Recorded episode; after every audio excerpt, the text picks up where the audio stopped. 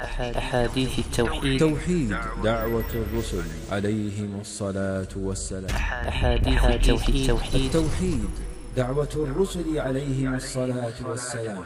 وللترمذي وحسنه عن أنس رضي الله عنه قال سمعت رسول الله صلى الله عليه وسلم يقول قال الله تعالى يا ابن آدم انك لو اتيتني بقراب الارض خطايا ثم لقيتني لا تشرك بي شيئا لاتيتك بقرابها مغفره Dalam riwayat At-Tirmidzi dan beliau menghasankannya dari Anas bin Malik radhiyallahu anhu, aku pernah mendengar Rasulullah sallallahu alaihi wasallam bersabda, Allah Subhanahu wa taala berfirman, "Wahai anak Adam, seandainya kamu datang kepadaku dengan dosa sepenuh bumi,